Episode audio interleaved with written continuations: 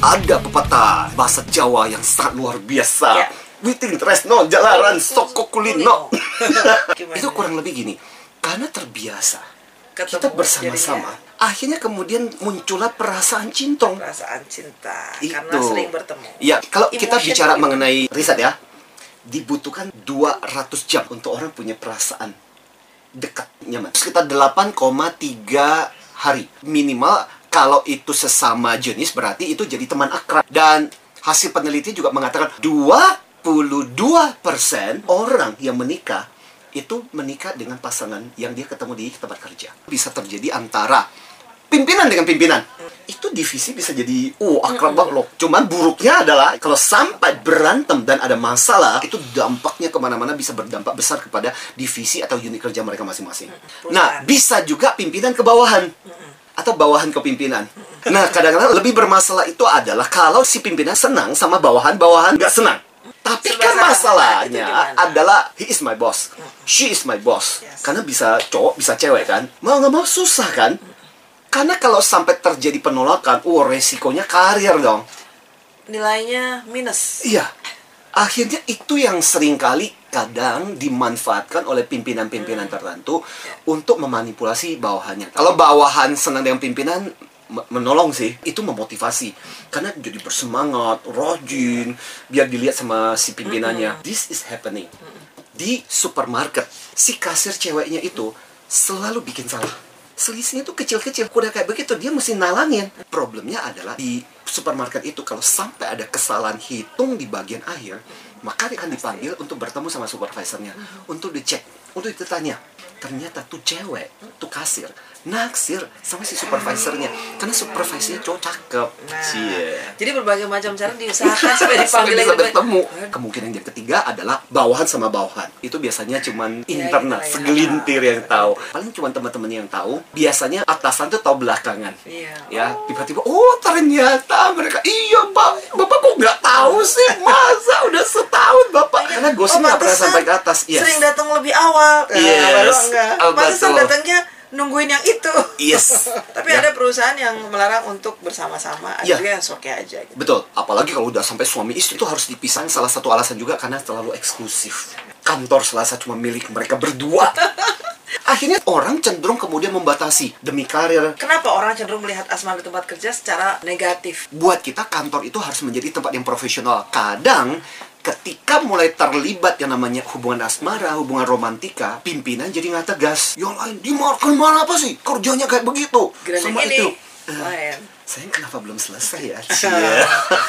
Terus potensi drama. Contoh tiba-tiba hubungan mereka lagi ada kerikil. Iya. Terbawalah ke tempat kerja. Tadinya ini harusnya hubungan kerja, hubungan real kenapa kemudian tapi ada perasaan nggak nyaman ya nggak enak. Survei yang diadakan di Inggris mengatakan 60% merasa jadi susah untuk bersikap profesional ketika mereka punya hubungan spesial yang seseorang di kantor. Kalau prinsip-prinsip ternyata romantika kerjanya yang profesional, Aku masih ingat dulu waktu ketika saya di Astra ada kok. Ya sampai sekarang mereka menikah dan kemudian sama-sama tinggal di Amerika. Balik lagi kepada bagaimana kita membawakan diri sih sebenarnya. Ya namanya kasih sayang tidak selalu harus identik dengan nggak profesional. Selama itu bisa menjaga moral, menjaga etika dan tidak jadi eksklusif dan bukan terjadi di antara mereka yang sudah berkeluarga. Cinta itu kan energi. Taj Mahal itu bisa dibangun itu karena energi cinta. Sampai itu ada kisah di Leeds, Belgia, sampai ada seorang ibu waktu perang dunia kedua itu waktu pemboman terjadi bisa menahan beton supaya bayinya nggak meninggal nggak mati ibunya mati tapi bisa menahan dengan luar biasa kalau bukan karena cinta. ibunya yang luar biasa nggak mungkin terjadi.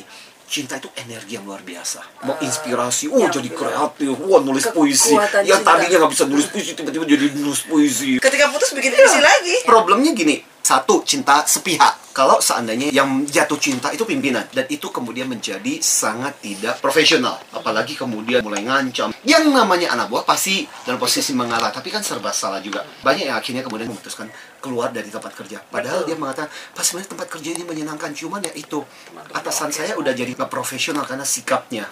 Atau cinta yang eksklusif, ke mana-mana bareng. Itu kan kemudian jadi bermasalah juga. Atau cinta yang terlarang. Mereka punya hubungan asmara di kantor, tapi tahu bahwa masing-masing sebenarnya terikat dengan uh, hubungan dengan perkawinan resmi masing-masing.